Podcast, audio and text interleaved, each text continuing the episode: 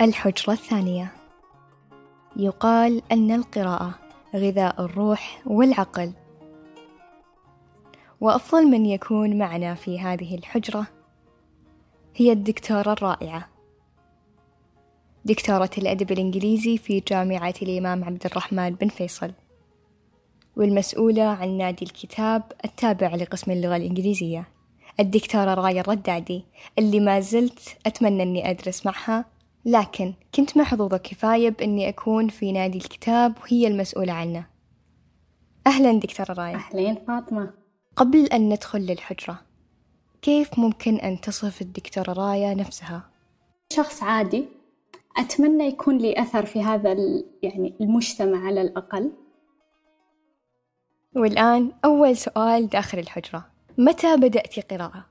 أو تحديدا إيش الشيء اللي شجعك تبدين قراءة بجدية؟ أنا من البداية كنت أحب القراءة بس ما كنت يعني مستثمرة فيها يعني كجانب. وكان الانشغالات في الدراسة وأول ما بدأت الجامعة بديت يعني زادت رغبتي في القراءة وزادت رغبتي في البحث عن الكتب الجيدة. بس أذكر أول مرة كان في مشروع جدي نحو القراءة 2011 أتذكره لأنه كانت هو السنة اللي سجلت فيها ب Goodreads أو ثاني سنة لي من Goodreads وكان في challenge دخلنا فيه تحدي 52 كتاب في 52 أسبوع عدد أسابيع السنة. فكان بالنسبة لي مشروع يعني جدا مغري و... والقراءة يعني دائما إذا معاكي أحد يشجعك أكثر أنك تخوضينها. فأذكر هذه السنة أول سنة كان يعني مشروع جدي أني أخصص وقت للقراءة أبدأ أبحث عن كتب قيمة أنها تقرأ وأقرأ بشكل دوري أكثر من أنه إذا جاني كتاب حلو قريت. فكان في 2011 52 كتاب في 52 أسبوع. كملت التحدي وما عاد تركته. يعني من بعد هذيك السنة كان كان يعني الهدف لي إني أقرأ في هذه الحدود في كل سنة. فيكون عندي هدف معين أطمح له لنهاية السنة. أحيانا إذا كانت السنة يعني انشغلت فيها زي مثلا آخر سنة لي تخرج في الدكتوراه أشياء زي كذا أخفض التحدي الكتب أقل. فيصير مثلا 40 كتاب في السنة 35 كتاب في السنة. بس الأصل يعني اللي أحاول قد ما أقدر يكون هو الستاندر 50 كتاب في السنة يعني. طبعا أطمح الأكثر بس شوي نكون واقعيين مع ضغوط الحياة. طيب هل الحظر ساعدك في زيادة العدد في التحدي السنوي؟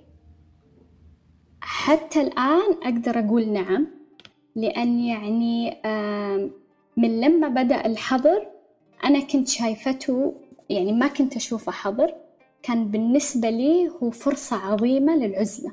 وهذا شيء كنت أنا أنتظره من وقت كثير خاصة مع الانشغالات والضغوطات وكل شيء صار في خلينا نقول في آخر سنة.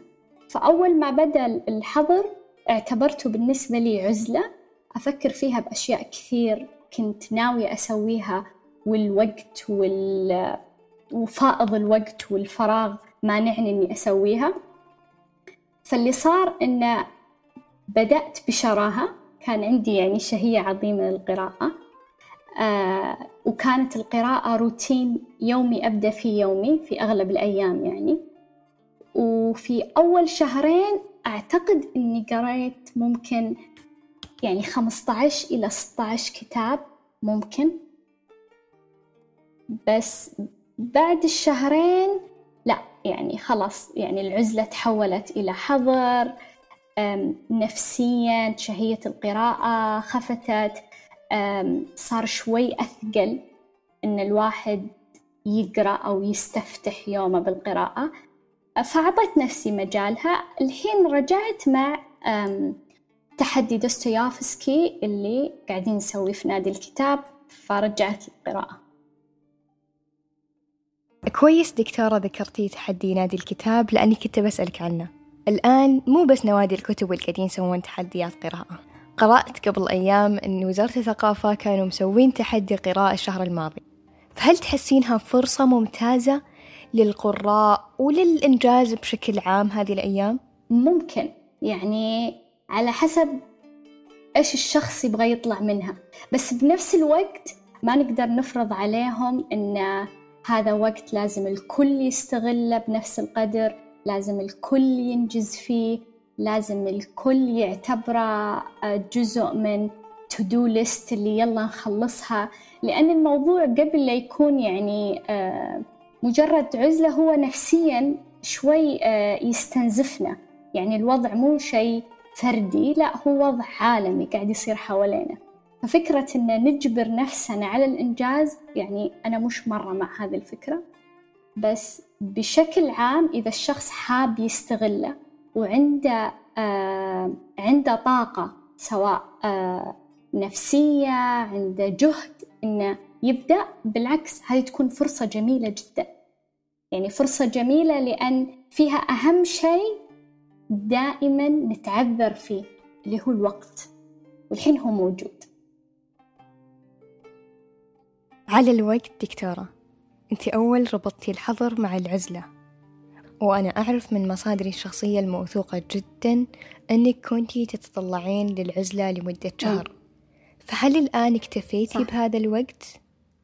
لا أنا صراحة زي ما قلت كنت فعلا أطمح لها وأول شهر بالنسبة لي كان ممتاز يعني أول شهر كنت كان الوضع النفسي رائع آه كنت فعلا شايفتها كعزلة ومعاملتها كعزلة آه ففي هذا فعلا أنا استغليتها كعزلة لكن هل هي التجربة الآيديل المثالية اللي كنت أطمح لها للعزلة؟ لا لأني على الأقل كنت أبغاها في مكان جوا أفضل وإطلالته أروع من الوضع اللي إحنا خلينا نقول نوعا ما انجبرنا عليه بس كعزل أنا دائما أشوف يعني دائما أؤمن أن العزلة أيا كانت يعني نوعها مو شرط عزلة عن الناس وعزلة في مكان نائي وإلى ما ذلك العزلة أيا كان نوعها يعني تعطينا فرصة إن يعني زي زوم أوت لحياتنا إيش نحتاج إيش ما نحتاج إحنا إيش نبغى؟ كأنها رفلكشن يعني. دكتورة إذا بنتكلم عن نادي الكتاب أو عن نوادي الكتب بالجامعات السعودية بشكل عام هل عندك خلفية متى بدأت؟ بشكل عام ما عندي يعني كان في محاولات فردية بسيطة. أذكر الاهتمام بالقراءة بشكل أكثر بدأ في حدود يمكن يعني أتخيل مثلا أشهر نادي كتاب كان نادي القراءة في جامعة السعود. كان هذا أشهرها. بدأ يعني يحكى عنه خارج الجامعة. يمكن بال 2010 ل 2009 2011 كان ذروته تقريبا. بس من قبلها في الجامعات إني شفت يعني آه نماذج كثيرة للجامعة. في جامعتنا أتذكر لما كنت ثالث جامعة كان في محاولات لنادي كتاب بس ما أكتمل. آه بس بشكل عام نوادي الكتاب 2009 وما بعد. يعني مثلا في الشرقية كان أشهر نادي قراءة كان نادي إقرأني. كان بداية كان الفتيات. وكان اشتهر جدا ومشتركين كثير. ومنه بدت بدت يعني مثلا نوادي القراءة خلينا نقول في الشرقية بشكل خاص آه يعني صار لها صيت وصار كل مجموعة تحاول تسوي لها نادي. جامعة البترول سووا لهم بنفس هذاك الوقت تقريبا. بس بشكل عام ما عندي يعني تصور واضح. يعني لما كنتي طالبة كان في نادي م. أو محاولات نادي والحين نقدر نقول رجعتي لنفس الجامعة وأحييتي هذا النادي إن شاء الله صح؟ يس أتمنى ذلك صراحة لما رجعت آه، حبيت يعني نرجع للفكرة ونبدأ آه، يعني نحييه من جديد لأني أنا أشوف أن نادي الكتاب يعني هو دائما الناس يفترضون نادي الكتاب يعني للناس اللي يحبون يقرون يعني بين كوتيشن مارك وأنا أشوف إنه لا يعني فكرة نادي الكتاب أوسع من مجرد مجموعة صغيرة اللي تحب القراءة. القراءة مو لازم شخص يحبها عشان يقرأ يعني القراءة أنا أشوفها حاجة مهمة تعطينا أفق ما كنا مطلعين عليه. تعطينا بعد أعمق من لو قرينا الكتاب مع نفسنا وانتهينا منه. نادي الكتاب يعطيك فرصة أنك تفكرين بصوت عالي إيش رأيك بالكتاب؟ فيكون لك مش مجرد أنت قارئة وبس لا أنت شخص ناقد للكتاب شخص رأيه مهم ونقاشه حول الكتاب يكاد يكون بأهمية الكتاب نفسه. لأن كل ما تكلمنا بصوت عالي وكل ما تناقشنا وكل ما تعلمنا كيف نربط بين أفكارنا وكيف نجادل وإحنا نناقش وكيف نوافق أو نعترض وبعدين نبرر اعتراضنا أو آه، نعطي أسباب لموافقتنا. هذه بحد ذاتها مهارات رائعة أكثر من مجرد عملية قراءة الكتاب بحد ذاته. فحسيت أن هذه النقطة دائما يعني مش واضحة للناس لأن لا القراءة كذا المجموعة معينة من هواياتها القراءة أو نخبة كذا صغيرة اللي آه، قارئ ومثقف. لا يعني القراءة هي يعني شيء طبيعي بين الكل ومو لازم نحب القراءة عشان نقرأ. يعني لا إحنا نقدر نحاول نقرأ حتى لو ما نحبها لأنها شيء ضروري. يعني ضروري آه، من أكثر من جانب. مو بس عشان آه، والله نصير مثقفين لا يعني تعطينا basic skills. فهذا الشيء اللي كنت حابة يعني حابة إنه يكون واضح من فكرة نوا... من فكرة نادي الكتاب عندنا. وعشان كذا كنا دائما حريصين إنه لو ما قرأتي الكتاب لو ما مداك تنهين الكتاب تفضلي وتعالي معانا وناقشينا لأن النقاش بحد ذاته مهم. وأنا بالنسبة لي أهم من القراية نفسها. لأن إيش است... يعني إذا أنت قريت الكتاب وسكرتي الكتاب ورجعتيه بالمكتبة أنت هنا باسف معرفتك باسف ما نقلتيها لغيرك ما فكرتي فيها ما كتبتي عنها ما تناقشتي حولها. بعكس لو هذه المعرفة اللي أنت قريتيها تاخذينها وتسمعين الناس إيش يقولون عنها وإيش آرائهم عنها وتحاولين تفكرين وتربطين وتناقشين وتربطينها بواقعنا. يعني هي مو بس شيء منفصل عن الواقع أيا كان الكتاب. يعني إحنا في نادي الكتاب قرأنا كتب مختلفة جدا. حتى الأدب يعني قرأنا أدب هندي قرأنا أدب أفريقي قرأنا أدب عربي عن الأندلس قرأنا أدب روسي غير الكتب ال non-fiction اللي نقراها. فهي كتب متنوعة وكل ما عرفنا لأن أيا كان الكتاب هو بشكل أو بآخر مرتبط بكل شخص منا. مو شرط إنه مثلا أدب روسي خلاص شيء بعيد عنا ولا عن حياتنا ولا عن مجتمعنا. فهي الفكرة كيف إحنا نشوف هذا الكتاب ينعكس على واقعنا أو كيف ممكن إحنا نعكس على واقعنا بشكل أو بآخر. كيف لما نقرأ عن تاريخ الأندلس مثلا زي ثلاثية غرناطة ربو عاشور كيف ممكن نفهم تاريخ الأندلس ونتعرف على تاريخ الأندلس بس ببعد أعمق وأكثر تعقيد من أي كتاب ممكن يتكلم عن تاريخ الأندلس من جانب تاريخي بحت. والنقاش حوله يكون كمان أعمق وأعمق. ف... فعشان كذا يعني هذه كانت باختصار يعني فكرتي من نادي الكتاب إن نقرأ كتب ما كنا حنقراها لو كنا نقرأ لوحدنا. نفكر بصوت عالي عن اللي قريناه ونتناقش ونحاول قد ما نقدر إنه نربطه بحياتنا بواقعنا أه وبالعالم اللي حوالينا اللي دائما نحس إن إحنا بعيدين عنه يعني. مثلا دائما نحس إن مثلا السياسة شيء مو لنا مثلا. ولا الحروب شيء بعيدة عنا لا ما نقرأ عنها. أو آه أيا كان يعني أو الفلسفة حتى. أو آه أيا كانت نوعية الكتب يعني. فدائما نحس إنه لا مو جوي أقرأ هذه الكتب. بس لما نضطر نقرأها لأننا تبع مجموعة وكلنا نقرأ لابد في شيء نتعلمه من هذه الأمور. عشان كذا أنا أقول لك في البداية إنه القراءة مو بس للناس اللي يحبون القراءة مو شرط. لأن لو كان للناس اللي يحبون القراءة برضو بنحصر نفسنا كل شخص إيش يحب يقرأ. ولأنه يحب يقرأ فبيكون محصور بالكتب اللي هو متعود يقرأها. بس لما يطلع على نوعية كتب مختلفة ويقرأ عن أشياء مختلفة ويناقش فيها هنا الفائدة الحقيقية. قلتي القراءة مو بس للي يحبون القراءة. إيش بعد أشياء مغلوطة عن القراءة أو القراء؟ أولا أن كل قارئ مثقف. أنا بالنسبة لي فكرة مغلوطة لأن ممكن نكون قراء بدون ما نكون مثقفين يعني. فكرة كمان يعني يعني دائما الشخص يفترض إنه لما يقول أحيانا يقول مثقف وهو ما يعني كلمة مثقف. يعني مثقف يعني مفكر انتلكتشوال أحيانا يكون هو مجرد قارئ. يعني مش مش آه، استنقاصا بالقراءة نفسها بس القراءة والثقافة شيئين مختلفين.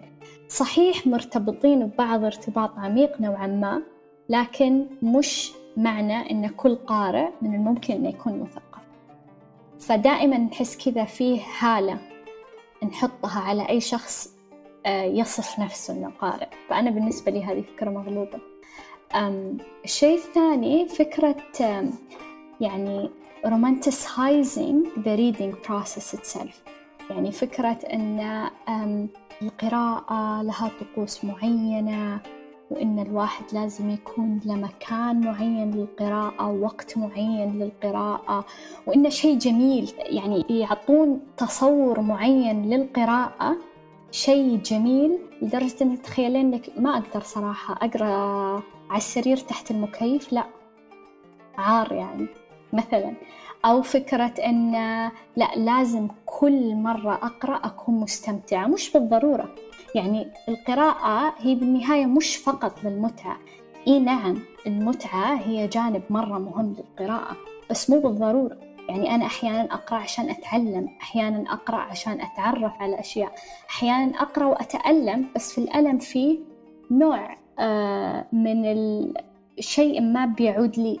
سواء نوع نوع ما من المعرفة أو الوعي أو البصيرة أيا كان يعني اللي بيجيني من القراءة. بس مو بالضرورة دائما القراءة شيء ممتع ورايق ويدعو للاسترخاء و... ويكون لطيف. لا أنا أحيانا أكون أبدأ الكتاب وما يعني ما تخيلين متى أنتظر اللحظة اللي ممكن آه، أخلص الكتاب وأرميه. مو إنه سيء بس يعني قراءته ثقيلة جدا جدا يعني. أو إنه يكون دسم نوعا ما. فعشان كذا فكرة إن القراءة شيء ممتع وجميل وله طقوس أنا ضدها. لأنها تعطي تصور غير واقعي للقراءة وتبعد شريحة كبيرة عن القراءة فقط لهذا السبب. فصير الواحد لما يقرأ الكتاب يوصل ثالث صفحة يحس إنه مو قادر يكمل يقول أوكي القراءة مش لي. القراءة لنخبة معينة أنا ما قاعد أستمتع مثلا. أحس إن هذه الأشياء حتى اللي وده يقرأ تنفر من القراءة. تنفر وتعطي أن الهدف الوحيد من القراءة هو الاستمتاع. فإذا كنت لا تستمتع اترك القراءة.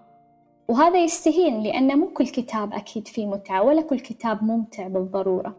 ولا كل آه ولا كل كتاب بتجيب لي الاسترخاء ولا يعني زي ما قلت فكرة كذا رومانسية عن القراءة وعن الكتب وعن وعنا إحنا كقراء كيف إنه لازم يكون عندنا الشغف للقراءة. مو ضروري شغف للقراءة رغبة في القراءة تكفي.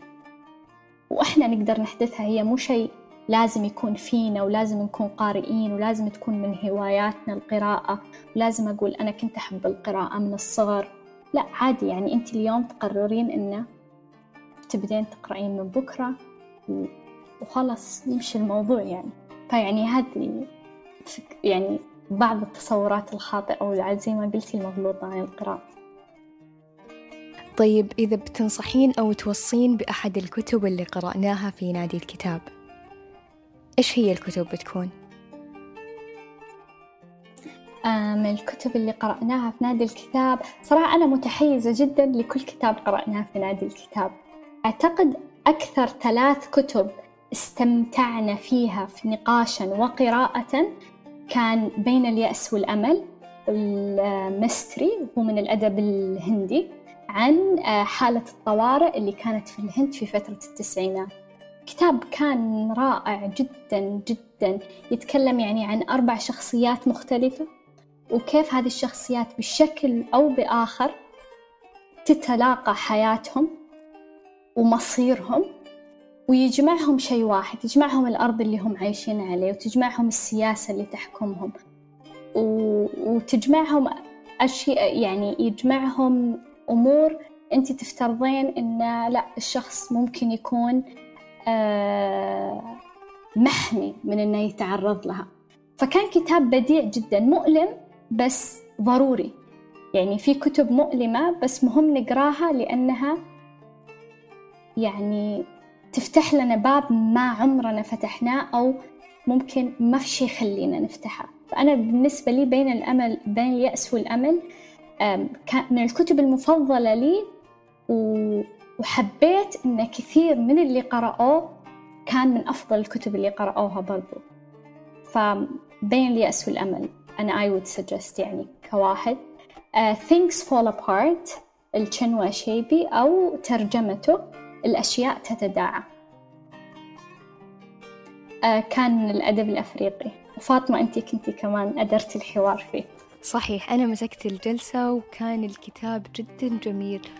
مو بس كان عن قصة استعمار لا يعني عرفني على ثقافة أنا تقريبا كنت أجهلها. مم. وأسس يعني أسس لأدب ما بعد الاستعمار. وأسس لنوع جديد من الأدب ما قد كتب بنفس الطريقة اللي هو كتب فيها. و... و... والكتاب يعني مهم جدا. يعني لأي شخص إنه يقرأ حتى لو مو مهتم بالأدب حتى لو مو مهتم بأدب ما بعد الاستعمار كتاب جيد وقيم. و... و... ويعني تصويره للشخوص بديع جدا تصويره آه، للشخصيات وال... وال... والباينري اللي بالعادة بين الخير والشر الطيب والشرير يعني يتماهى في هذه الرواية فيصير أنت تشفق على شخص بس تشوف أخطاءه بعيونك بس هذا ما يمنعك أنك تشفق عليه ف... ف... يعني ففي تناقضات جميلة إلى نهاية. يعني من يوم ما يبدأ بالرواية لين نهايتها يعني ما فشل لحظة في في شخوصه وهو يوصفها يعني. وعلى بين اليأس والأمل بالنسبة لي كانت شوية صعبة قراءته لأنه مرة حزين. فاللي ما وده يعني لا بالعكس. لا لحظة. أنا ضد هذه الفكرة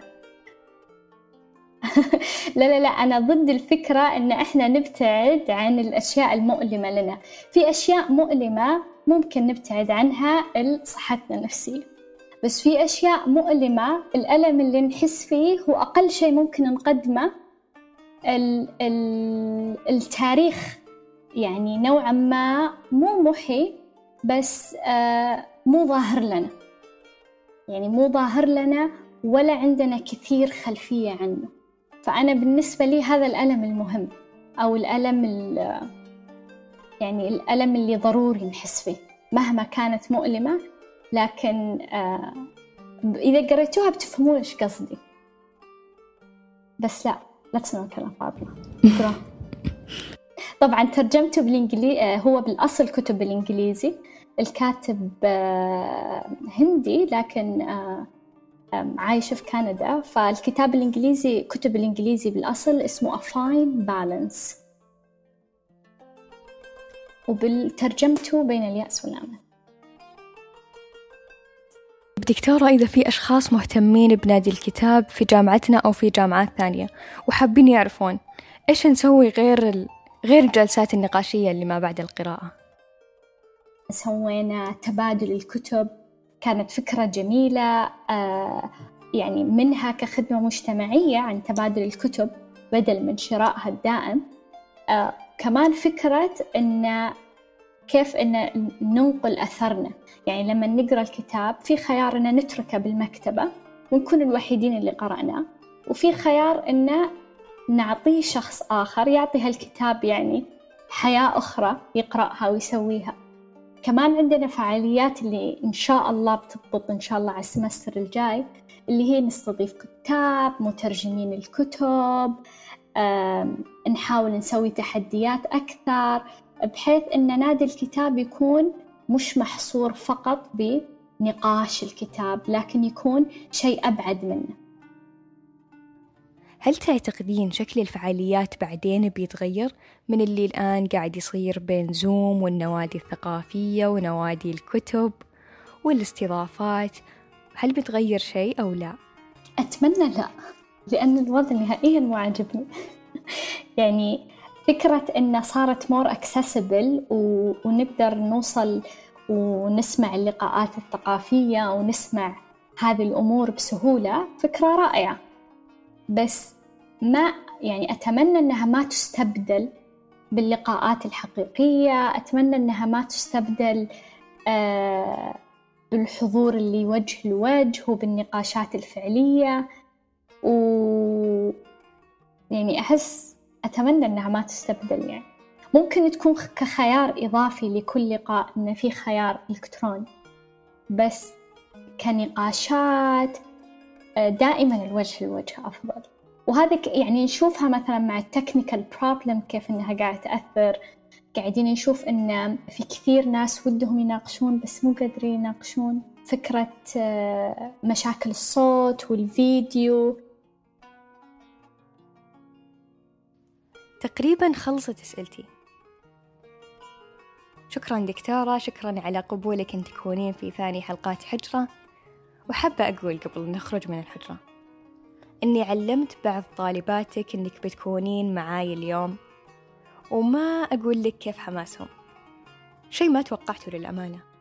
أول شيء شكرا لك أنت فاطمة صراحة.